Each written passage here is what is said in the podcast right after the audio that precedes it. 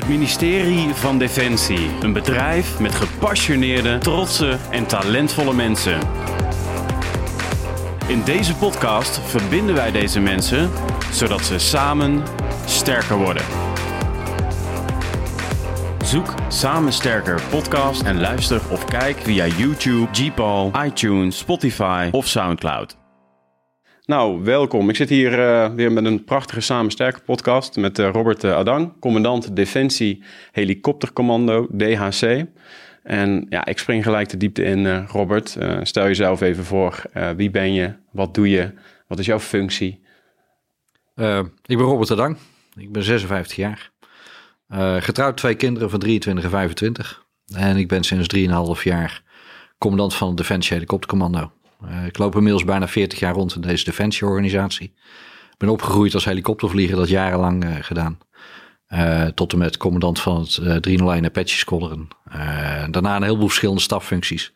Zowel op de luchtmachtstaf als de defensiestaf in Den Haag. hiervoor ook nog twee jaar in, in Engeland gezeten, een internationale functie. maar sinds 3,5 jaar deze fantastisch mooie baan. Kijk, en terwijl je dit zegt voor de mensen die luisteren, zie ik iemand die enorm straalt. Uh, we hebben net natuurlijk een voorgesprek gehad waar je vertelde eigenlijk, uh, ik heb een van de mooiste uh, functies die er is. Ik vertaal hem maar even zo. Ja. Um, om daar gelijk op in te spelen, um, um, wat, ja, hoe zou ik die vragen stellen? wat staat er op dit moment hoog op jouw agenda? Wat vind jij belangrijk als commandant Defensie Helikoptercommando? wat ik het belangrijkste vind op dit moment uh, en er zijn echt dagelijks tientallen onderwerpen die voorbij komen. Het is altijd moeilijk om ze te ranken. Uh, maar wat ik uh, tegen de mensen binnen het DAC zeg, onze belangrijkste activiteit op dit moment is de transitie. De transitie, de verandering van het DAC om te zorgen dat wij klaar zijn voor de toekomst. En wat betekent dat klaar zijn voor de toekomst? Ehm, dat betekent dat wij als DAC, net als de rest van Defensie, uh, onderdeel worden van het informatietijdperk. Uh, dat we informatietechnologieën veel dieper gaan integreren, niet alleen in onze vredesbedrijfsvoering, maar ook in onze operationele capaciteiten. Uh, zodat we optimaal gebruik kunnen maken van de informatie die beschikbaar is om onze operationele taken uit te voeren. Ja, ja, je kijkt naar informatiegestuurd optreden. Hè. Het staat ook in de visie 2035. Ja. Uh, het is hartstikke belangrijk in deze tijd. Um, um, wat betekent uh, informatiegestuurd optreden voor jou? Kun je dat in een paar woorden samenvatten? Het betekent uh, voor mij twee dingen. Het betekent dat je uh, de, de enorme hoeveelheid data die er beschikbaar is en, en eigenlijk dagelijks exponentieel toeneemt. Uh, ook in het militair optreden van tegenwoordig. Het aantal sensoren neemt exponentieel toe. Dus er komt heel veel data beschikbaar. IGO betekent in de eerste plaats dat je van al die data, die eigenlijk veel te groot zijn om door een mens te worden geanalyseerd, dat je op de een of andere manier zorgt dat je in staat bent om daar bruikbare informatie van te maken. Informatie die je kunt gebruiken bij het nemen van beslissingen en het uitvoeren van je taken. Mm -hmm. uh, en voor mij is het tweede deel daarvan dat je op basis van die informatie met iedereen die deel uitmaakt van jouw operatie, hoe groot die ook is, een gedeeld beeld hebt van de situatie op dat moment. Uh, zodat je ook van elkaar en met elkaar veel sneller besluiten kunt nemen. Veel preciezer kunt bepalen van welk effect je moet bereiken en hoe je dat kunt bereiken. En dat vervolgens uitvoeren. En zijn we daar goed in als uh, Nederlandse krijgsmacht? Nou, de, de vraag is of iemand er daar al goed in is. Uh, dit, dit soort ideeën en concepten die zijn nog niet zo heel lang in, in ontwikkeling. Een heleboel krijgsmachten zijn bezig met het zich eigen maken van informatiegestuurd optreden. En zorgen dat je uh, de capaciteit hebt, de systemen hebt, de sensoren hebt. Uh, om, om data te verzamelen, op basis daarvan gedeelde beelden te maken. Uh, ik weet niet hoe ver andere landen daarin zijn. Ik weet wel dat we daar als Nederland echt nog heel veel stappen te zetten hebben. Ja, ja. Uh, je hebt in de voorbereiding heb je een prachtige zin. Ik zei, wat, wat moet de kern zijn van deze podcast met jou? Ik lees hem even voor. Het Defensie Helikoptercommando transformeert naar een genetwerkt en informatiegestuurd command...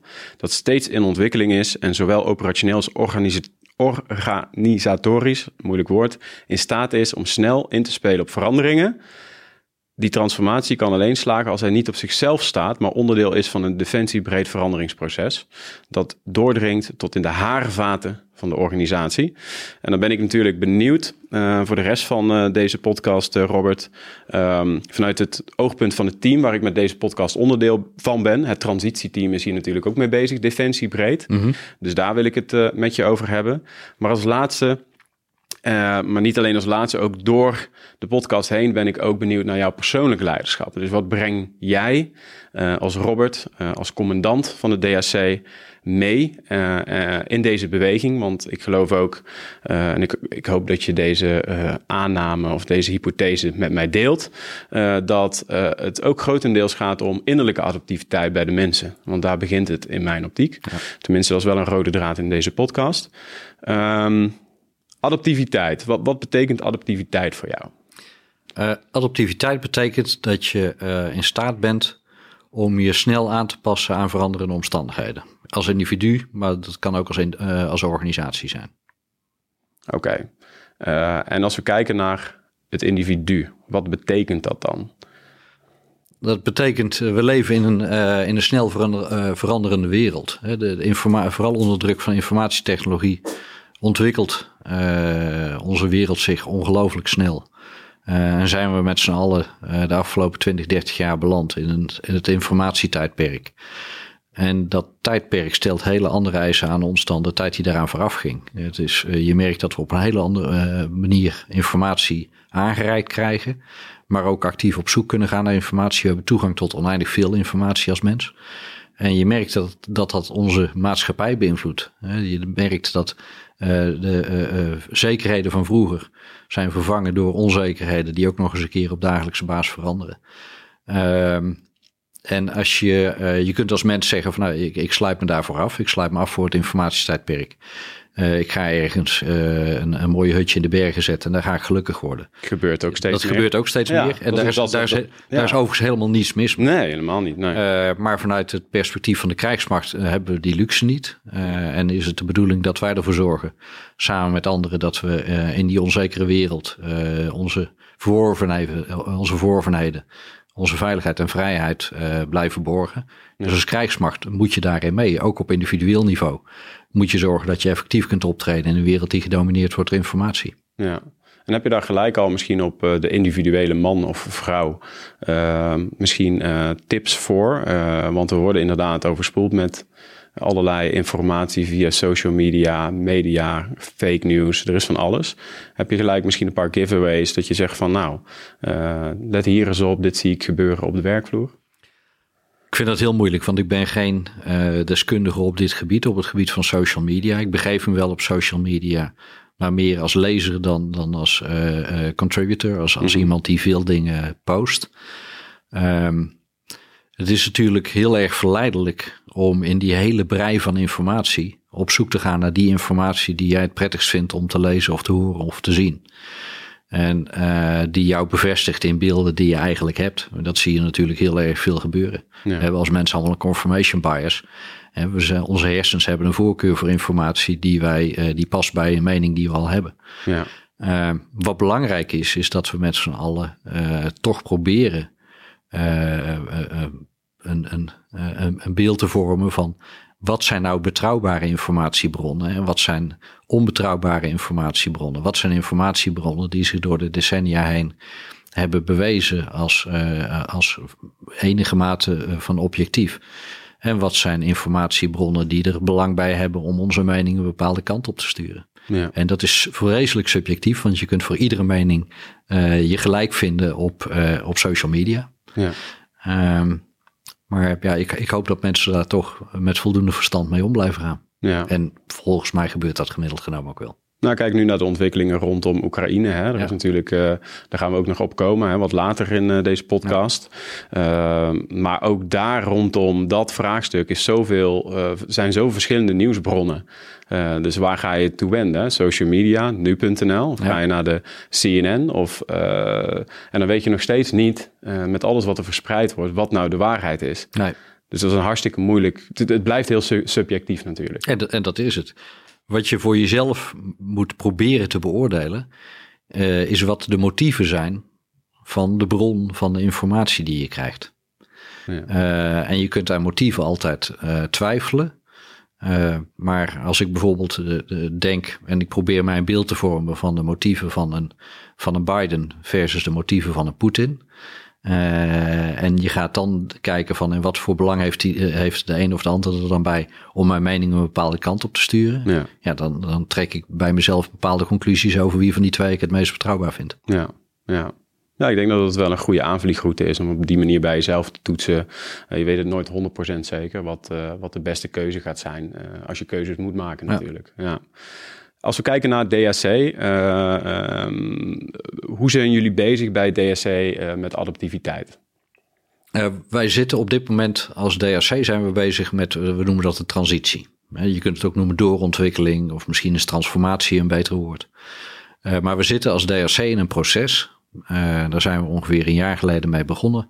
Uh, dat erop gericht is om het DHC klaar te maken voor de toekomst. En eigenlijk het, het DHC informatiegestuurd te maken. Zowel in de bedrijfsvoering als in, uh, als in de manier waarop we operationeel optreden. Ja, ja.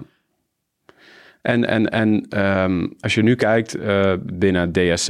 Um, um, dat was een van de vragen ook vanuit het team waar ik onderdeel van ben. Uh, ook gezien Oekraïne krijgt, komt er gewoon meer budget bij uh, waarschijnlijk. Ja. Um, uh, zie je dat als een kans voor het DHC? Ja. Um, ja? Um, ja, sowieso. Hè. We hoeven niet in te gaan op de budgettaire krapte die we de afgelopen jaren als, als, als Defensie hebben gehad. En wat daarvan de gevolgen zijn in te lage voorraden. En hier en daar een te kleine organisatie. Of ja. uh, capaciteiten waar we er te weinig van hebben. Dat kun je, uh, er verschijnt binnenkort waarschijnlijk een Defensienota waar dat allemaal uitgebreid in staat. Ja. Uh, Waar voor mij de nadruk voor het DRC ligt, is, is niet zozeer uh, van we hebben meer helikopters nodig. Want het is al moeilijk om voldoende vliegers en techneuten te vinden voor de huidige vloot. Ja. Uh, waar ik behoefte aan heb, is helikopters die beter zijn uitgerust voor de taken die we morgen moeten kunnen uitvoeren. En dat zit onder andere in het vermogen om data en informatie uit te wisselen tussen die helikopters en tussen mijn helikopters en de grond of, of, hoofd, of commandoposten op zee. Ja. Uh, daar ligt voor mij de belangrijkste prioriteit. Zorgen dat we datacommunicatie krijgen in onze helikopters. Ja. Nou had je uh, in ons voorgesprek een heel mooi voorbeeld ja. van, uh, van waar wij staan op dit moment als defensie. En ik zou eigenlijk willen vragen om dat voorbeeld nog eens aan te dragen. als ik zo vrij mag zijn. Nou, ja. ja. ik wil er wel toelichten, want dat is eigenlijk de manier. Hè, de, de vraag hoe leg ik dan aan uh, mijn eigen mensen binnen de DRC uit waarom die transitie zo belangrijk is. En dan pak ik altijd mijn telefoon. Ja. En uh, dan zeg ik, die telefoon die heeft iedereen. Iedereen heeft zo'nzelfde apparaat in zijn broekzak of in zijn tas zitten. die telefoon geeft mij toegang tot oneindig veel meer informatie dan die paar miljard aan helikopters die ik, die ik in de schuur heb staan. Ja. Um, als ik s'avonds de poort uitrijd, dan rijd ik het informatietijdperk in. Dan doe ik alles met die telefoon. Mijn belastingaangifte, ik navigeer naar huis, ik weet waar de files staan. Ik zoek een recept op, ik uh, bestel een nieuwe telefoon. Uh, je kunt het zo gek niet bedenken. We doen allemaal, allemaal uh, dagelijks bijna alles met die telefoon. We hoeven niet eens meer van de bank. We, we hoeven niet eens meer van de bank. We eten alles. Ja. Sterker nog, hè, mijn dochter die zit boven op de kamer en ik stuur er een appje van het eten is klaar. Ja. Ehm, dus op de een of andere manier, zelfs in onze communicatie binnenhuis, maken we al steeds vaker gebruik van de telefoon. Maar als ik ochtends de poort binnenrijd, dan ga ik eigenlijk terug de 20ste eeuw in. Dat doen we alles met Excel spreadsheetjes en Word documentjes en Outlook afspraakjes. Uh, we hebben uh, duizenden, misschien wel miljoenen bestanden die niet aan elkaar gekoppeld zijn, waarvan we niet weten of ze up-to-date zijn of de informatie die erin staat klopt. Ja. En dagelijks zijn we alleen al binnen de DRC honderden, zo niet duizenden manuren kwijt aan het doen van werk wat computers sneller, beter en betrouwbaarder kunnen. En wat ik tegen mijn mensen zeg, is dat we, en eigenlijk geldt dat voor heel Defensie, dat moeten we niet langer accepteren. Het wordt tijd dat wij uh, van wat we buiten de poort heel normaal vinden, dat we dat ook leidend maken voor hoe we ons werk doen binnen de poort. Ja. Of dat nou is tijdens de operationeel optreden of gewoon op de thuislocatie onze vredesbedrijfsvoering.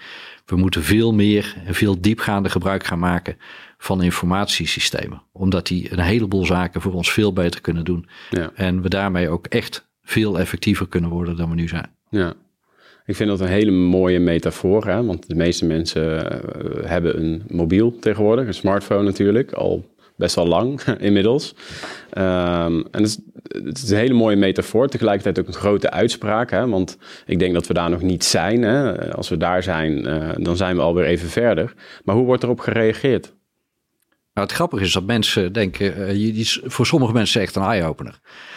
Uh, om te beginnen, je gaat niet, het DRC is 1800 mensen uh, groot. Er is geen uh, narrative wat je, wat je kunt ophangen. Er is geen pitch, geen verhaal, geen voorbeeld wat je kunt gebruiken. Wat in één keer 1800 mensen hetzelfde beeld gaat, gaat laten hebben van waar we dan naartoe moeten. En hoe ja. die transitie dan uit moet zien. Ja. Uh, je moet mensen echt één voor één overtuigen. Uh, maar je merkt wel dat het een beeld is dat aanslaat. Omdat iedereen al onderdeel is van dat informatietijdperk, is het veel makkelijker om je voor te stellen van wat het dan zou betekenen als we op ons werk ook uh, echt informatie gestuurd zouden zijn. Ja. He, niet meteen, hè, als je helikoptermonteur bent, is het niet meteen uh, helder van wat die, wat, hoe projecteer ik nou die telefoon op mijn helikopter. Ik kan niet met die telefoon naar een helikopter wijzen en hij is in één keer uh, op magische wijze gefixt. Ja. Maar wat je wel kunt zien is dat uh, als iemand uh, een, een uur aan een helikopter heeft gesleuteld, of een half uur, dat hij daarna nog een half uur of drie kwartier bezig is om alle handelingen die hij heeft gedaan in een computersysteem ja. in te voeren. Ja. Dat is lang niet meer, meer nodig. Er zijn ja. allerlei systemen die dat voor ons kunnen doen. Uh, en zo zijn er talloze voorbeelden binnen ons bedrijf van plekken waar we energie verspillen aan het doen van handelingen die computers echt sneller en beter kunnen en waar de technologie ook gewoon voor beschikbaar is. Ja, ik heb een heel mooi voorbeeld een keer gezien. Ik denk dat dat komt ook uit deze podcast.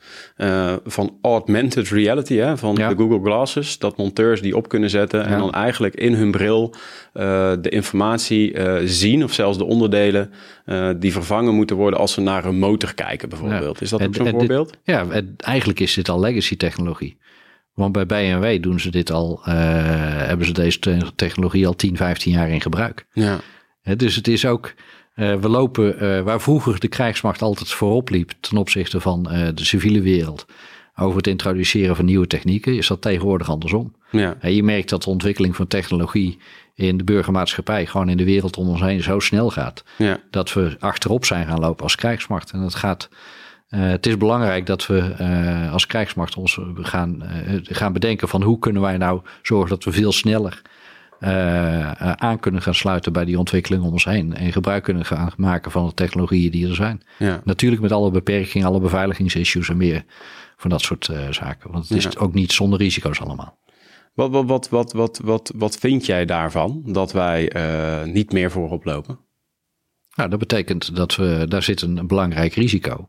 Uh, want als je een opponent hebt, en of dat dan een statelijke actor is of een niet-statelijke actor, zoals we dat noemen, maar als we een opponent hebben die uh, in staat is om sneller in te spelen op die technologische ontwikkelingen en die, die nieuwe technologieën sneller introduceert in zijn wijze van militair optreden, ja, dan hebben we kans dat we gewoon worden uitgemanoeuvreerd. En dat we het afleggen tegen een vijand die misschien uh, minder slagkracht heeft in fysieke vorm ja. en in aantallen, maar die door nieuwe slimme technologieën uh, ons weet te verslaan. Ja.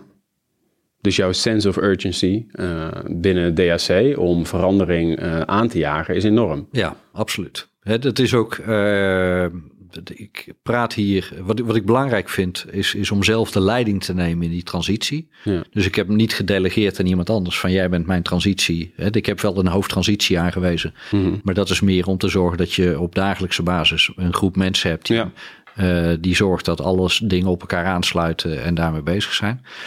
Maar je moet zelf als, uh, als commandant uh, de leiding nemen en zeggen: nou, ik ben de transitieleider. Mm -hmm. En ook zelf vaak voor je mensen gaan staan. En zorgen dat je een consistente boodschap uitdraagt over wat die transitie is en waarom die belangrijk is. Um, en als je dat dan aan het doen bent, dan krijg je ook wel reacties van ja, maar we hebben toch het geld niet om dat te doen. Of we, we hebben het mandaat niet om mm -hmm. allerlei dingen te doen. En hebben we wel de vrijheid om die organisatie anders in te richten of processen. Dat is toch allemaal veel te complex, dat kunnen we niet. Daar hebben we de kennis niet voor in huis. Ik kan zo een lijst van, van 25 tegenwerpselen bedenken van waarom wat we aan het doen zijn niet kan slagen. Daar zijn we heel goed in, hè? Daar zijn we heel goed in. Maar Angstleidend, hè? Nou ja, dat. Maar uh, we, zijn, hebben, we kunnen als militairen ook altijd, als krijgsmacht zijn we heel goed geworden in het leren denken en beperking. Maar wat ik iedereen altijd voorhoud is dat het niet slagen van die transitie geen optie is.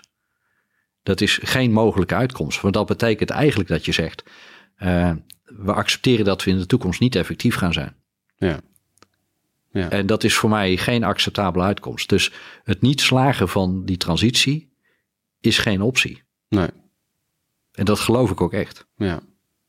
Hoe doe je dat dan? Hè? Want uh, best een grote uitspraak uh, net, waar, die ik helemaal omarm. Hè? Het kan niet zo de bedoeling zijn dat op die mobiel buiten de poort alles mogelijk is. Binnen de poort uh, dat, dat, minder, dat er minder mogelijkheden zijn. Dat ik niet te fatalistisch zijn in, de, in, in die optiek. Want we doen ook heel veel goede dingen natuurlijk. Hè? Ja. hoe geef je daar leiding aan, aan zo'n verandering? Want je zegt net, vind ik heel mooi. ik geef zelf leiding aan die transitie. hoe, hoe doe je dat? Ga je dan op de zeepkist staan? Of, ja, Ik ben er gewoon mee begonnen met uh, in, het, in, in mijn managementteam. En ik heb een vrij groot managementteam, want we hebben bij DRC tien squadrons en uh, een stuk of twaalf stafhoofden. Dus je hebt best een groot managementteam. Uh, en ik ben begonnen basically met het verhaal wat ik je net vertelde over die, over die telefoon. Omdat hetzelfde verhaal tegen, uh, tegen het team te houden. Ja. En dat is, uh, het mooie is, hè, dat staat niet op zichzelf. Want ik heb ook een opdracht gekregen om te veranderen van commandant luchtstrijdkrachten. In het kader van uh, de vijfde generatie luchtmacht. En dat is wel fijn, want dat betekent ook dat ik de backup heb van de commandant luchtstrijdkrachten bij het uitvoeren van deze transitie. En ook het mandaat om echt dingen te doen, om door te pakken. Maar het belangrijkste is, is dat, je, uh, dat je zelf daar gaat staan en zegt waarom het belangrijk is. niet één keer, maar die boodschap pauzeloos, heel consistent blijft herhalen. Diezelfde boodschap uit blijven leggen waarom het belangrijk is. En vervolgens uitleggen hoe je dat dan gaat doen. En waar ik heel sterk in geloof, is dat je van transitie niet een project moet maken. We zijn er bij Defensie heel erg goed in. Als we een probleem hebben, dan uh, bedenken we een projectopdracht en dan uh, stellen we een projectteam samen. En dat doen we dan met Prins 2 systematiek en een stuurgroep. En dan denken we van nou, we hebben het nu in de grip, want we hebben een stuurgroep en een projectteam en we hebben een projectopdracht en een deadline, dus dat komt goed. En toch komt dat, zeker als het heel complexe projecten zijn, heel vaak niet goed. Ja. En waarom is dat dan? Dat komt doordat we hebben gedacht van nee, we hebben het probleem nu te pakken, want we hebben het namelijk benoemd, we hebben het belegd. Mm Dus dat komt goed.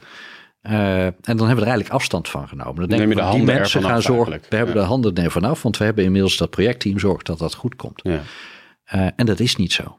Iets wat zo complex is, zo verstrekkend als deze transitie, kan alleen maar slagen als je uh, ook als, als baas zelf, als leiding, zegt van dit is de kernactiviteit voor de komende tijd. Dit is waar het om gaat. En ik ga zelf ook actief leiding geven aan die transitie. Ja. Ehm, dus niet een project ervan maken, maar het benoemen als dit wordt onze kernactiviteit voor de komende jaren. Ja. Uh, sterker nog, ik ben begonnen met nee, er is, het belangrijkste is inzet. Hè, de, als we daadwerkelijk, er is ergens iets aan de hand, we moeten daar met onze helikopters naartoe. Dat is altijd het belangrijkste, hoe je het went of keert. Ja. Maar onmiddellijk daarna komt die transitie. En ik ben nu zelfs in, in, in mijn bewoordingen, zelfs die inzet moet je zien vanuit het kader van die transitie. Want we komen erachter bij het voorbereiden van een aantal inzetten van het afgelopen jaar. Mhm.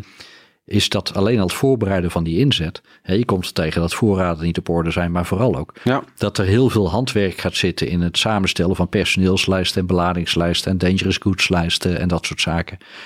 Uh, als je dat dan gaat zien vanuit die transitie, zeg je dat is eigenlijk raar.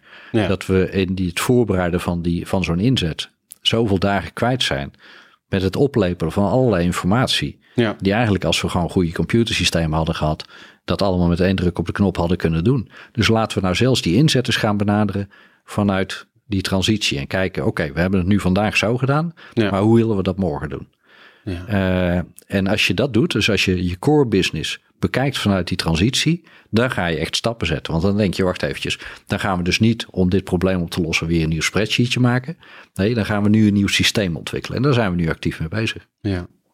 Is het dan ook, je schreef al eerder dat, uh, dat, dat een proces, uh, dat het in de haarvaten van de organisatie moet zitten. Dat hoor ik hier ook een beetje in terug. Uh, ik zeg wel eens, uh, gekscherend, er zijn twee zekerheden in het leven. Eén, dat je uiteindelijk een keertje doodgaat. En twee, is dat verandering de enige constante is. Ja. want we veranderen iedere dag. vijf minuten geleden is al niet meer hetzelfde ten opzichte van nu. is dat ook wat je bedoelt? Hè? Verandering ja. is al, van alle dag, is continu aanwezig. Dus als we het opschrijven, dan is het nog steeds, dan is er nou, nog steeds verandering.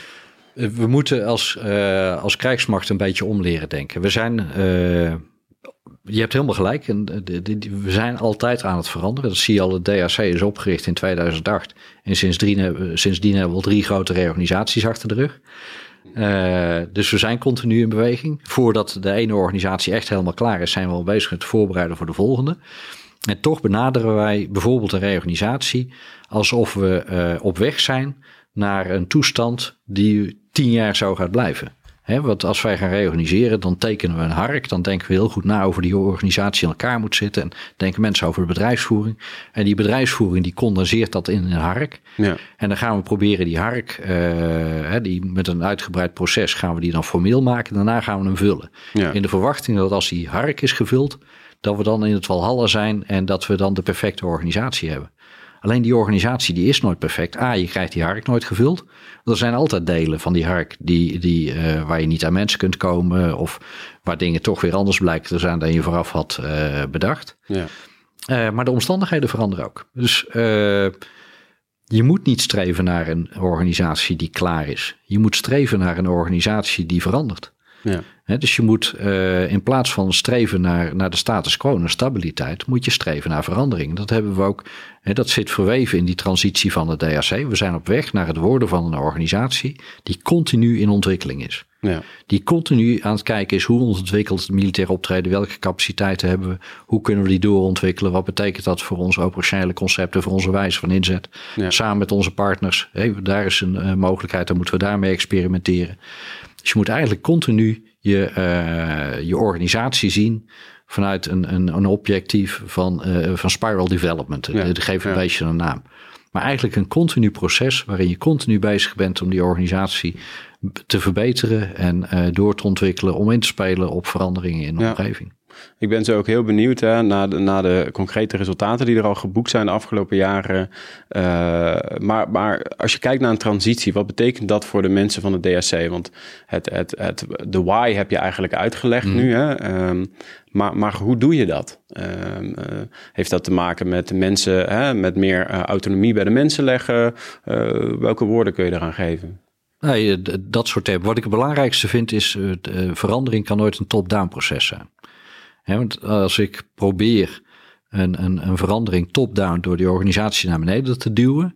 en bij mijn uh, schoolcommandant te doorduwen en die weer aan een uh, hoofdoperaties of hoofdgereedstellingen, die weer aan een vluchtchefs. En die je, tegen die tijd dat die boodschap beneden aankomt, begrijpt niemand er meer, want de hele context is verloren gegaan. Ja. Uh, maar op die manier veranderen zou ook betekenen dat de verandering niet van de mensen zelf is. En die verandering kan alleen slagen als die uiteindelijk van iedereen is. Ja. En natuurlijk zijn er altijd mensen die, uh, die niet mee willen. Dat, dat is, en dat is ook geen probleem. En zolang het grootste gedeelte van je organisatie zich op een gegeven moment realiseert: hey, we doen dingen nu heel anders dan we ze vijf jaar geleden deden. Ja. En ik doe nu dingen ook anders. En ik kijk ook anders naar de wereld dan ik vijf jaar geleden keek. Hoe maken jullie dat zichtbaar? Nou, dat, is, dat zit voor een deel. Uh, en dat proces, dat zijn we nog aan het opstarten. Dat, dat is ook uh, een beetje lerend voorwaarts gaan.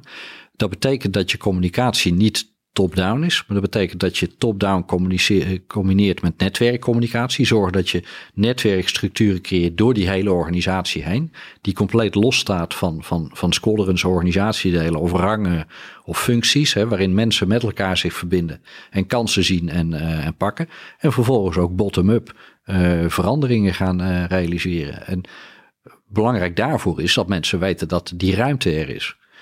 En dan moet je daar altijd mee oppassen. Als je zegt van nou, jongens, iedereen mag nu zijn ideeën over hoe we dingen kunnen verbeteren, procesjes kunnen veranderen. Iedereen kan ze aandienen. Want dan gaan we met elkaar gaan we dat tot een succes maken. Dan heb je drie weken later heb je honderd ideeën. Maar je hebt maar de capaciteit om er twee of drie bij te pakken. Dus dan ga je 97 mensen teleurstellen. En daar moet je natuurlijk mee oppassen. Dus je moet wel, uh, je, moet, uh, je moet realistisch zijn in het wekken van verwachtingen. Ja. Uh, hè, wat, uh, wat ik zelf doe, ik, ik uh, kijk liefst naar Kotter. En Kotter is het meest simpele model voor organisatieverandering. Wat je, kunt, wat je kunt bedenken. Gewoon je begint met een leading coalition en daarna ga je aan de slag en ga je ruimte creëren. En een van die belangrijke les van Kotter is, vier je successen. Als je, en dat zegt eigenlijk iedereen altijd in verandering. Als er dingen veranderen, hè, etaleer die. Uh, maak daar een mooi verhaaltje omheen. En geef mensen een voorbeeld van: kijk, dit hebben we met elkaar voor elkaar gekregen. Ja. Nou, in die fase zitten we nu. We zijn nu bezig om de eerste kleine successen te boeken. En die moeten we dan gaan uitbuiten en, uh, en etaleren. Maar je moet met elkaar accepteren dat verandering een proces is. Het beeld wat ik in mijn hoofd heb van de verandering van het DRC is een beeld wat ontstaan is in de afgelopen pakweg acht jaar. Ja. Ja. Uh, en ik kan niet verwachten dat ik tegen iemand aanpraat, tegen een scholar aanpraat of tegen mijn staf aanpraat. En dat ze na een verhaaltje van mij van een half uur dat, die hele, dat hele proces van acht jaar hebben ingehaald en in één keer deel zijn van mijn werkelijkheid. Ja. Nee, dat is, dat is een evolutionair proces. Daar moet je doorheen. Dat, vergt, dat vergt tijd. En wat daarin belangrijk is, is dat je consistent bent. Uh, maar vooral ook dat je steeds meer mensen daar actief bij betrekt. Dat je de why goed uitlegt. Vervolgens ruimte geeft aan mensen om ook met die why aan de haal te gaan. Uh, en eh, ja, op basis daarvan successen boeken die uitdragen. En hopen dat je steeds meer mensen daar actief bij betrekt. Heb je een pareltje uit die uh, etalage? Uh, nou, echte parels, die zijn nog, uh, daar zijn we nog naar op weg. Maar we zijn nu in ieder geval bezig. Bijvoorbeeld, uh, we hebben aan het begin gezegd, we gaan een, een, een combinatie maken van formele en informele structuren. We hebben een formele structuur, dat is een team, een transitieteam. Waar we een, nu een, een overste Niels van den Berg en een, uh, een Herwin van Meerveld, dat is een uh, major. Dat is een promo, die, die doet promotieonderzoek aan de NLDA. En die had een plek nodig om dat te doen. En die had een thema wat naadloos aansluit bij onze transitieopdracht. Dus die hebben we nu bij elkaar gekoppeld.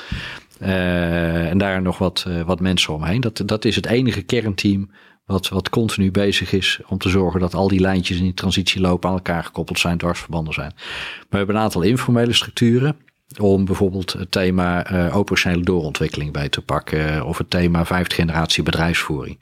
Maar ook een bol, uh, zoals we het noemen, digitalisering. Een digitaliseringsteam.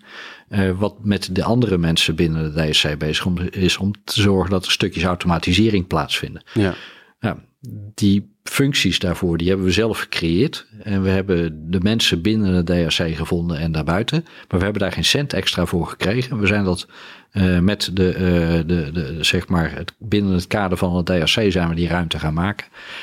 En uh, ik heb alleen verteld dat we dat gingen doen. En ik kijk een half jaar later achterom. En dan staat er in één keer een, een digitaliseringsteam. Met de data scientists en programmeurs en weet ik wat allemaal. Een team van acht mensen. Ja die nu continu bezig zijn om met andere mensen binnen de DRC stappen te zetten in die digitalisering. Ja. En dat zit dan zowel in het ontwikkelen van robotjes, hè, kleine stukjes automatiseren van bestaande procesjes.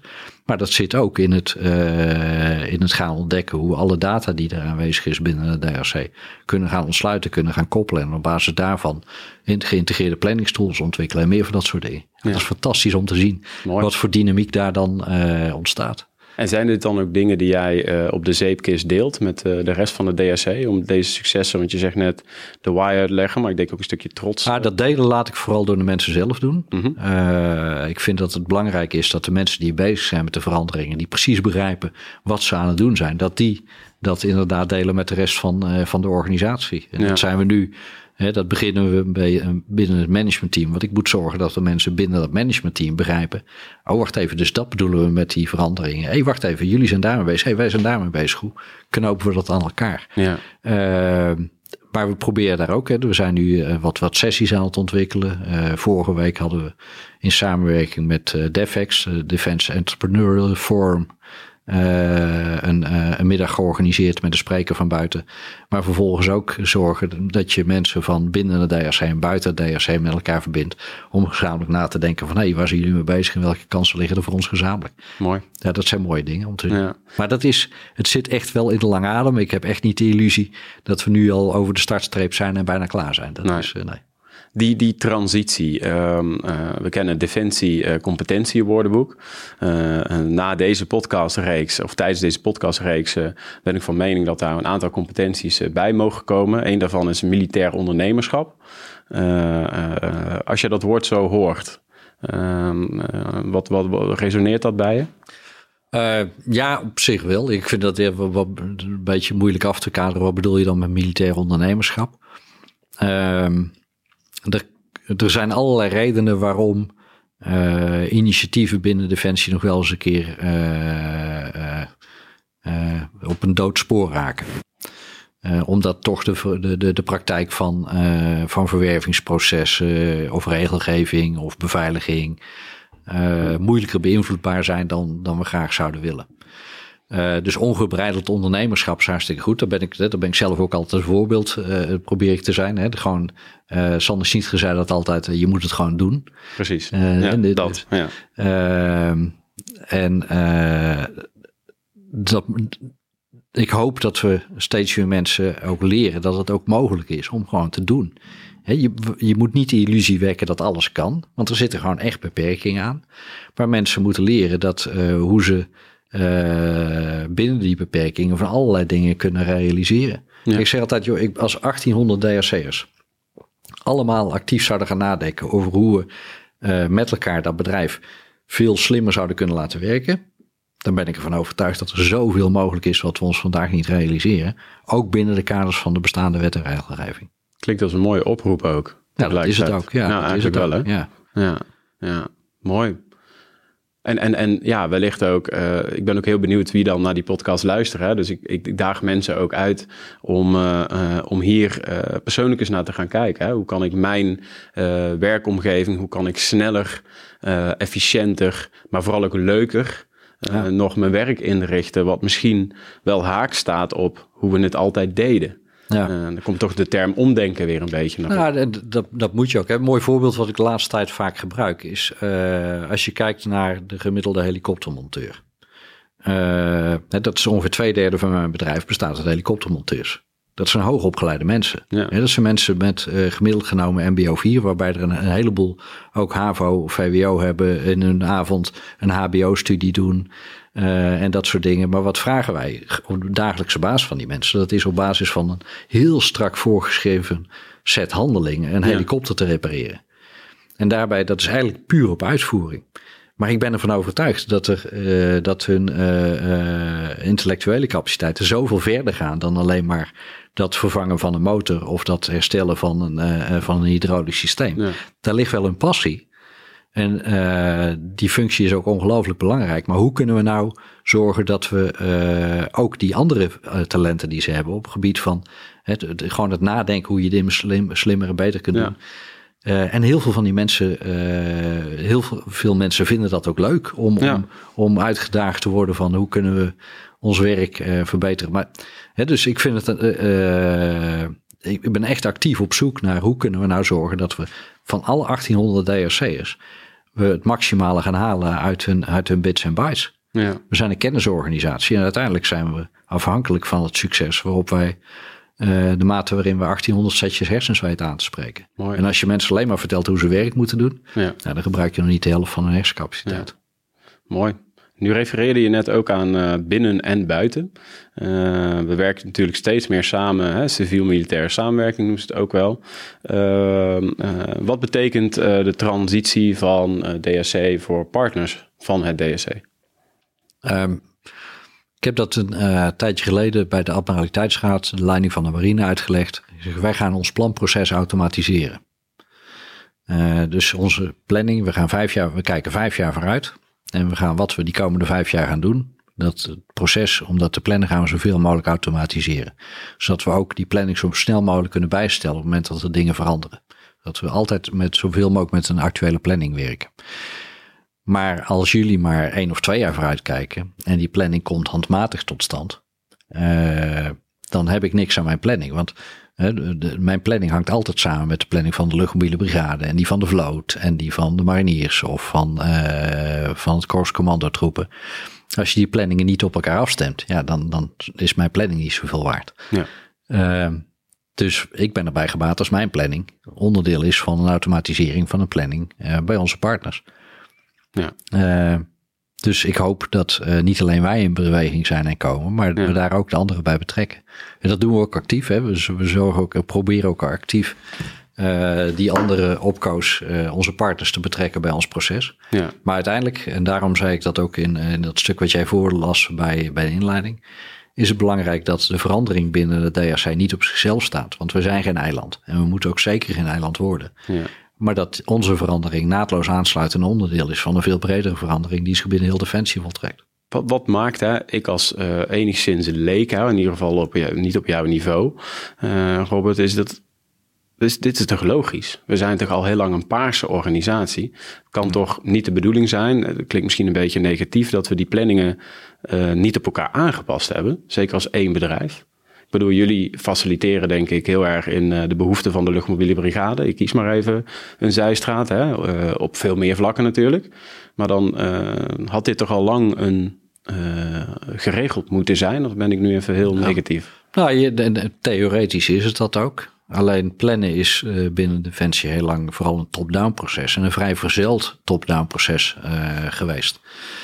Uh, en bijvoorbeeld bij DRC, waar uh, ik voor de kwaliteit van, van mijn auto volledig afhankelijk ben van de samenwerking met de vloot, met de luchtmobiele met KCT en ehm, vind ik dat je veel beter niet als, als, eindproces, als eindstap van een, van een uh, top-down proces, maar veel beter gewoon gezamenlijk kunt kijken. Wacht even, wat willen wij nou als partners de komende vijf jaar samen gaan doen? Ja. En in welke volgorde, welke doelstellingen moeten we bereiken en welke stappen moeten we zetten om die doelstellingen uh, te halen? Ja. Uh, en dat moet de basis zijn voor je gezamenlijke planning. Ja. je zegt, we zijn inderdaad, we zijn al, ik weet niet hoe lang, sinds 2005 of zo, papier een paarse organisatie. Ja.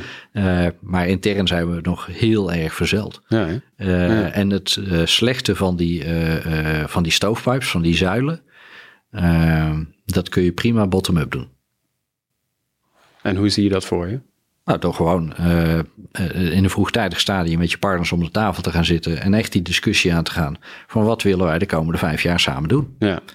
He, welke opdrachten heeft CDS ons gegeven? He, bijvoorbeeld, uh, een voorbeeld is een amfibische taak. We hebben de opdracht om per 1 januari 2026 amfibische taken uit te kunnen voeren met de NA90. Ja. Uh, fully operational. En per 1 januari 24 moeten we dat, uh, daar een initiële capaciteit voor hebben. Ja. Dat zijn doelen die we met onze partners, als partners, als marine en DRC, gezamenlijk moeten halen. Ja. Daar kom je niet vanzelf. Dat betekent dat je dus eh, daar, uh, op weg daar naartoe moet nadenken van welke oefeningen gaan wij gezamenlijk doorlopen. Hoe ziet ons gezamenlijk operationele concept uh, eruit? En hebben we daar met, uh, met van beide kanten een, een helder beeld bij? En wie hebben we daar nog, nog meer bij nodig om daarbij ja. aan te sluiten? Dat zijn allemaal dingen die je echt uh, samen kunt doen, waar je geen opdracht voor hoeft te krijgen. Als je weet van welke, waar moet ik over een aantal jaren staan? In mijn air optreden of, of, of in mijn amfibisch optreden of in SOF optreden of wat dan ook. Als je dat doel helder is, dan kun je echt, zonder dat je daar opdracht toe krijgt, op uitvoerend niveau, dus als DRC met partners gezamenlijk, gaan bepalen hoe je daar dan gaat komen. Ja. Nu hebben jullie natuurlijk als DAC, realiseer ik me nu, ook wel best wel een, een, een, een verbindende positie. Omdat jullie als DSC natuurlijk met heel veel van die eenheden samenwerken. die niet in alle gevallen met elkaar samen hoeven werken in het optreden. Ja. Dus bij jullie komen natuurlijk ook die uitdagingen als het gaat om planning best wel heel erg samen. Klopt dat? Ja, ja. ja dat, is, dat uh, maakt het vanuit ons perspectief makkelijker om je een beeld te vormen van hoe dat er dan uit zou moeten zien. Ja. Uh, maar wij zijn een, wat, wat we noemen een joint organisatiedeal. Dus wij werken inderdaad op de scheidsvlakken van land, zee, lucht, space en cyber. Uh, maar we gaan er, en dat staat ook in de Defensievisie 2035, we gaan ervan uit dat het optreden in de toekomst steeds meer multidomein is. Ja. Wat betekent dat het effect niet wordt bereikt, uh, of op zee, of op land, of in de lucht, of in de ruimte, maar op de scheidsvlakken van die, uh, van die domeinen. Dat je in de toekomst alleen maar succesvol kunt zijn als je vanuit al die domeinen een optimale samenwerking weet te realiseren en effecten weet uh, te creëren. Ja. Dus dat betekent dat eigenlijk die doelstellingen in de toekomst voor iedereen binnen Defensie gezamenlijke doelstellingen zouden moeten zijn. Ja. Uh, en je dus er belang bij is om voor iedereen binnen Defensie om te kijken, hey, wat kan ik eigenlijk met anderen doen? Ja. ja. Wat ik je hoor zeggen, ik ga nog even kort in op een uh, korte um, samenvatting van alles wat ik je heb horen zeggen. Als het gaat om een stukje leiderschap. Um, je zegt, neem zelf de leiding over een transitie, heb ik je horen zeggen. Maak niet een project van, van transitie. Het is een ongoing thing. Je boodschap blijft die consistent verspreiden. Uh, leg je why goed uit, creëer succeservaringen. Uh, en ik heb je ook uh, horen zeggen, die neem ik er even in mee. maak van je planning een, een, een langer planningsplan eigenlijk van vijf jaar. Ehm, wil je daar nog iets aan toevoegen of niet? Want dat is een stuk leiderschap natuurlijk. Ik denk dat je hem zo aardig, aardig samenvat. Uiteindelijk wat belangrijk is, die transitie. En dat is, ga ik een pad betrijden wat, wat al een miljoen keer is, is platgeslagen. Maar een transitie gaat om mensen. Um, en de, je mensen in je organisatie moeten de eigenaars worden van de transitie. Ja. Uh, het is nooit top-down. Je kunt het niet met, uh, met flyers en, en podcasts en, en dat soort dingen realiseren. Nee, je moet zorgen dat de mensen in de organisatie zelf de leiding nemen in die, in die transitie. Leiding nemen voor zichzelf, leiding nemen voor het team, voor elkaar en voor uiteindelijk het succes van de hele organisatie. Ja. Ik heb een korte videoboodschap van iemand die dat ook vindt en die vertelt dat over jou. Die laat ik je even zien.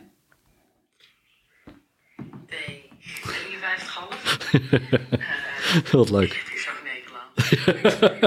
Sorry, El. Het me gevraagd is. En omdat ik hoop dat ik iets kan bijdragen aan de sessie die jullie zo meteen hebben. Ik uh, zie jou als een hele fijne collega die ik altijd mag bellen als er iets is. Uh, dat gebeurt niet zo vaak, dus dan bel ik je ook maar gewoon als er niks is. Je bent voor mij innovatief je bent resultaatgericht, je bent empathisch, je hebt humor. Soms voer je het hoogste woord. Uh, soms vind je praten leuker dan luisteren. Uh, maar als ik dan zeg, ik wil ook wat zeggen, dan uh, kom ik er altijd, kom ik er altijd tussen. Je bent commandant. je kunt ook een manager zijn. Ik herinner me de Adang-lijsten nog, of de Adang-matrix was het geloof ik zelfs. We zitten nu in zo'nzelfde fase. Uh, je kunt een boekhouder zijn, je kunt een inspirerende leider zijn. Je kan met je lachen, je kan je achter de baan plakken. Maar vooral, bovenal, ben je een eerlijk en fijn mens die, ja, die het vermogen heeft om het allerbeste uit mensen te halen. Betrokken is bij zijn personeel. Gelooft in de onderwerpen die nu belangrijk zijn, of het nou gaat over mensen of over middelen die het beste wil voor iedereen om zich heen. En daarbij soms zichzelf uit het oog verliest. Uh, en iets waar ik niks over ga zeggen, maar ik hou het gewoon maar even in beeld. Uh, want dat zegt voor jou genoeg. En ik kan je bijna hier al heel hard horen lachen als je het ziet. forget me. Goeiedag vandaag. En ik hoop dat mensen mooie dingen over je zeggen. Bye. Fantastisch. Met wie hadden we het genoegen? Met uh, Eleanor Boekholter Sullivan de plaats van commandant luchtstrijdkrachten. En, uh, en mijn uh, uh, innovatieleider. Degene die mij door, door mij mee te sleuren naar een innovatiesymposium ergens in 2013. ik heb haar dat wel eens gezegd. je hebt een luik in mijn hersens, in mijn hoofd open gedaan. Dat luikje kan nooit meer dicht. Ja. En uh, dus uh, ik, ik ben daar heel veel uh, dank verschuldigd en ik word echt heel erg verlegen van deze mooie woorden. Wat maakt dat je verlegen wordt? Ja, omdat dit, dit is, dat, dat, dat ze me eigenlijk gewoon te veel recht doet. Het is, ik hoop dat een deel van de woorden gewoon, gewoon waar is. Maar ja, als, je, als iemand vertelt wie je bent en dat sluit heel erg aan bij wie je wilt zijn, ja. dan, ja, dan word je daar verlegen van. Ja, en het raakt je ook, zie ik. Ja, ja. ja. ik vind het mooi. Ja, ja mooi. Ja. Mooi dat het je raakt. Hè? Dat mag ook. Ja. ja, ja. Betrokkenheid, uh, mensen niet uit het oog verliezen. Je bent een inspirator. Uh, dat zijn de woorden die ik hoor, haar hoor zeggen. Ja. ja, wat ik zeg, en dat hoop ik dat dat inderdaad voor een stukje waar is. Ja, ja. En klaarblijkelijk, uh, Robert, uh, ook alles wat je net vertelde, uh, als, je, als het gaat om transitie, het transitievraagstuk, ook in ons voorgesprek, zag ik je echt aangaan. En toen zei je, die, die, die drie jaar op functies veel te kort. Als ik dit tien jaar nog mag doen, dan, dan maak je mij een heel blij mens. Ja, dat is, dit is wat ik, mijn huidige baan is, is zo ongelooflijk leuk. Nou weet ik uit ervaring het is niet de eerste keer dat ik dat zeg. Ik heb dat al op, op meerdere banen, of heel veel banen hiervoor gezegd. Dus niks is, uh, niks is absoluut. Uh, maar je hebt als, als operationeel commandant heb je een relatief onafhankelijke positie binnen Defensie. En dat weet iedereen die commandant is of het is geweest. Die deelt het beeld wat ik daar over heb. Is dat eh, de veelzijdigheid daarvan, de enorme breedte van de onderwerpen waar je mee te maken hebt. Uh, maar vooral ook de vrijheid om je organisatie voor een deel te richten naar jouw visie. Ja. Dat is, dat is fantastisch. En daar geniet ik echt iedere dag. Ik ga iedere dag met een glimlach om mijn gezicht ga ik naar mijn werk. En iedere dag kom ik met een glimlach weer thuis. En dat is daarom zeg ik altijd, joh, ik kon deze baan de rest van mijn leven doen. Mooi. Ja. Mooi. Nog een heel kort stukje over jou, ook om de andere veranderaars of mensen die tegen uitdagingen aanlopen, die goede ideeën hebben, te inspireren dan wel te helpen of te informeren. Uh, door wie of wat uh, laat jij je inspireren? Uh, als jij het even niet meer weet, hoe, hoe, hoe ga je dan om met bepaalde vraagstukken? Um, als ik het niet meer weet, dan ga ik naar Liesbeth, naar mijn vrouw. Kijk. En uh, die uh, dingen voor mij uh, feilloos weten te relativeren. en als ik een moment van twijfel heb, die twijfel wegneemt. ik kijk ook naar mensen als, als Eleanor en anderen. een, een, een voorbeeld voor mij is, is Sander Schnietger.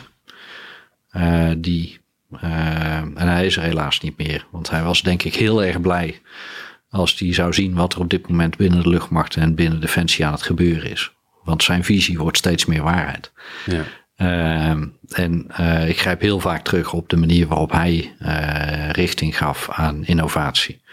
we hebben met elkaar ook heel veel lessen geleerd tijdens die, dat proces. En de, die lessen neem ik ook dagelijks mee. Ja. Maar dat zijn beelden die, eh, die me wel bijblijven en, en mijn richting en nou vastgeven. Ja. Mooi vent, Sander. Ja, ook mooi dat je er nog aan uh, refereert. Dat is al vaker gebeurd in deze podcast ook inderdaad. Dus uh, fijn. Uh, even een heel ander onderwerp. En daar wil ik langzaam naar de afronding. Ehm, ja, Rusland, Oekraïne. Het is een veel besproken vraagstuk. hoe, hoe zie jij de transitie in de context van die ontwikkelingen? Um, hij drukt ons met de neus op de feiten. Uh, het gaat ergens over. En de transitie is, uh, is fantastisch, maar alleen maar relevant als die ons in staat stelt om onze uh, veiligheid en vrijheid beter te beschermen. Dat is het enige wat relevant is. Het gaat niet om defensie, het gaat niet om schepen of tanks of vliegtuigen of helikopters. het is maar, er is echt maar één ding relevant. En dat is of wij de best mogelijke bijdrage leveren aan het beschermen van onze veiligheid en vrijheid en democratie. Uh, dat doen we niet alleen. Dat doen we binnen Nederland met, uh, met anderen. En eigenlijk zeg ik altijd, uh, we hebben 17,5 miljoen Nederlanders. En alle 17,5 miljoen Nederlanders zijn voor een stukje verantwoordelijk voor onze gezamenlijke vrijheid en onze veiligheid. maar ook onze partners in de EU, in NAVO, de samenwerking daarmee. Uh, uiteindelijk uh, moet onze transitie erop gericht zijn om in die context nog effectiever en beter te worden dan we al zijn. En je hebt het eerder gezegd, er gaat heel veel goed. Er gaat ook echt heel veel goed. We zijn een ongelooflijk goede krijgsmacht. Als ik kijk, en dat even gewoon mijn eigen beeld van, van de professionals binnen de DRC. Als ik op een afstandje sta te kijken of, uh, of, of onderdeel daarvan op scoren tijdens een missievoorbereiding. Uh, hoe die mensen werken, wat ze kunnen, waar ze toe in staat zijn. We acteren op zo'n ongelooflijk hoog niveau. En als dat binnen de DRC is, dan weet ik zeker dat het op andere plaatsen binnen de Defensie ook zo is. Uh, die kracht moeten we vasthouden. De noodzaak daartoe, die wordt ons nu weer heel erg duidelijk voor degenen die dat vergeten waren. En dat waren er binnen Defensie niet zo heel erg veel. Maar ik denk dat iedereen weer leert begrijpen wat de essentie is van ons vak. Uh, en wat belangrijk is, is dat we die transitie echt in, dat, in die context, in dat kader plaatsen. En die echt richten op, hier gaat het om. Wat er hier gebeurt. Als we, uh, als we hier iets moeten doen, uh, om onze primaire veiligheidsbelangen te verdedigen, uh, dan is die transitie alleen maar relevant als die daar een bijdrage aan levert. Ja, ja. Want uh, we hebben heel veel geleerd uit de lessen in Afghanistan bijvoorbeeld. Uh, uh, maar dit brengt weer een ander perspectief met zich mee. Um, um, het lijkt erop, en ik ben benieuwd hoe je daarop wil reageren. Het lijkt erop dat, dat Rusland niet heel veel voet aan de grond krijgt in Oekraïne. Hoe moeten we daarop gaan reageren? Wat, wat, wat moeten we doen als defensie? Um, nou, we moeten, wat je als krijgsmacht altijd moet, moet doen, is je moet ongelooflijk goed kijken naar de lessen die je uit zo'n conflict kunt leren. Je moet nooit proberen je voor te bereiden op het laatste conflict. Je moet altijd proberen je voor te bereiden op het volgende conflict. En uh, dus, dus de, de, valkuil is altijd als we kijken naar Oekraïne, van nou ja, zo zal het volgende conflict wel doorlopen, uh, dus moeten we dat zo en zo en zo aanpakken. Maar je kunt wel heel erg goed kijken van de beelden die we vooraf hadden, onze verwachtingen over de effectiviteit van bepaalde wijzen van optreden of systemen of doctrines. Hè, wat, uh, wat is daar nu van, van bewaarheid geworden? En ons vervolgens realiseren dat uh, het feit dat die oorlog loopt zoals die loopt, vooral te danken is aan de enorme vastberadenheid van een volk. Ja. Wat heeft besloten om zich niet onder de voet te laten lopen. Ja. Uh, en ik weet niet of ieder land uh, hetzelfde gereageerd zou hebben. Ja. Het is echt wel heel erg uniek wat daar gebeurt. Ja, het is krachtig. Hè? Enorm krachtig. Ja. Heel erg veel respect voor ook een, een Zelensky die daar de, de belichaming van is. Absoluut. Uh, die eigenlijk die volksaard in één gezicht uitdrukt. Ja. Uh, die met gevaar voor eigen leven, wetend dat hij een primary target is, daar gewoon blijft zitten en zijn werk blijft doen en zeggen: jongens, kom maar op. Ja. Ik ga niet weg. Ja, dat is. Uh, de, die oorlog loopt zo omdat die mensen hebben besloten dat die oorlog zo gaat lopen. Ja. En dat vind ik ongelooflijk krachtig. Voorbeeld voor velen. Ja, nogal. Ja. Ja, ja. Wat zijn je grootste zorgen rondom het uh, conflict? Um, uh, in de eerste plaats uh, de bevolking. Die leefden tot anderhalve maand geleden in een, in een vrij democratisch land in veiligheid. En deden hun dagelijkse boodschappen, gingen naar school, deden hun werk. En dat is, op één dag is dat allemaal veranderd. Uh, mijn eerste zorg is hoe zorgen we ervoor dat Oekraïne weer dat land wordt waarin iedereen gewoon rustig in vrede leeft, zijn werk kan doen, naar school kan gaan, gelukkig kan zijn en in vrijheid leeft. Uh, de tweede zorg daarbij is, uh, wat betekent dit voor uh, de stabiliteit van, van Europa, van de wereld waarin wij leven. Is dit een eenmalige oprisping van een oude manier van denken? Of is dit een blijvende verstoring van de balans waarin we leven? En gaat die destabilisatie verder? Hè? Gaan we verder op het pad naar, uh, naar, naar, uh, naar autocratisch leiderschap? Of keren we terug naar de, de zegeningen van, het, van een vrije en open democratieën? Dat zijn wel zorgen die ik heb. Dus die zitten echt op de wat langere termijn. Ja. Maar je merkt nu dat uh, iets wat we ons altijd gerealiseerd hebben, maar soms toch wel moeilijk voor kunnen stellen, is hoe kwetsbaar onze vrijheid is. Ja. Uh, hoe kwetsbaar die, die wereld waarin we de mogelijkheid hebben om onze individuele behoeften te bevredigen en, en, en de dingen te doen die we leuk vinden om te doen en de dingen te kopen die we willen kopen. Ja. Uh, en waarin we allemaal lief en goed voor elkaar zorgen en dat soort dingen. Hoe onwaarschijnlijk kwetsbaar dat is. Ja. We gaan allemaal massaal minder tanken en uh, we zetten onze thermostaat inmiddels al een paar graden koeler. Ja. Dus dat zegt al wat, hè? Ja. Ja. ja. Je hebt zelf ook gevechtservaring? Uh, Ehm, nou, ik, heb, uh, ik ben commandant geweest in Afghanistan van een Apache-eenheid. ja. Ik heb zelf geen gevechtshandelingen gepleegd. Mhm. Uh, er wel leiding aan gegeven, dus ik begrijp de context heel erg goed. ja, ja, de debriefings gedaan naar de missies en dergelijke. Dus Ja. ik denk dat ik beeld heb bij gevechtsoperaties. ja. Zitten de mannen en vrouwen nu anders in hun cockpit eh, tijdens de oefeningen, nu ze dit eh, conflict eh, kennen? Ehm, uh, als iets, dan zitten ze er nog gemotiveerder in een cockpit. Ja, ja. Begrijpen, wacht eventjes. Twee keer met mijn ogen knipperen en ik kan deel zijn van, van deze oorlog. ja, En dan moet ik wel zorgen dat ik daar klaar voor ben. ja.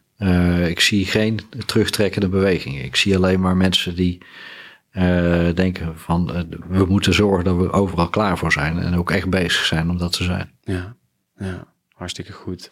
we hebben het over hè, je zorgen gehad. Heb je desondanks wel vertrouwen in de uitkomst van, van het conflict? Um, ik ben van huis uit een, een optimist. Uh, ik ga ervan uit dat de richting van de geschiedenis omhoog is en niet naar beneden. Um, maar dat is een uiterst onhoudbaar concept als je kijkt naar de uitslagen die de geschiedenis al gemaakt heeft in de afgelopen paar duizend jaar. Ja. Um, ik hoop dat we zo slim zijn als mensheid om vooral te kijken naar de lessen die de geschiedenis ons leert. En daar uiteindelijk toch met gezamenlijke oplossingen te komen. In plaats van uh, ons te laten verleiden in het bevredigen van de korte termijn belangen van individuen. Die Ja. daar toch een vrij dominante invloed op hebben. Ja, ja, mooi gezegd.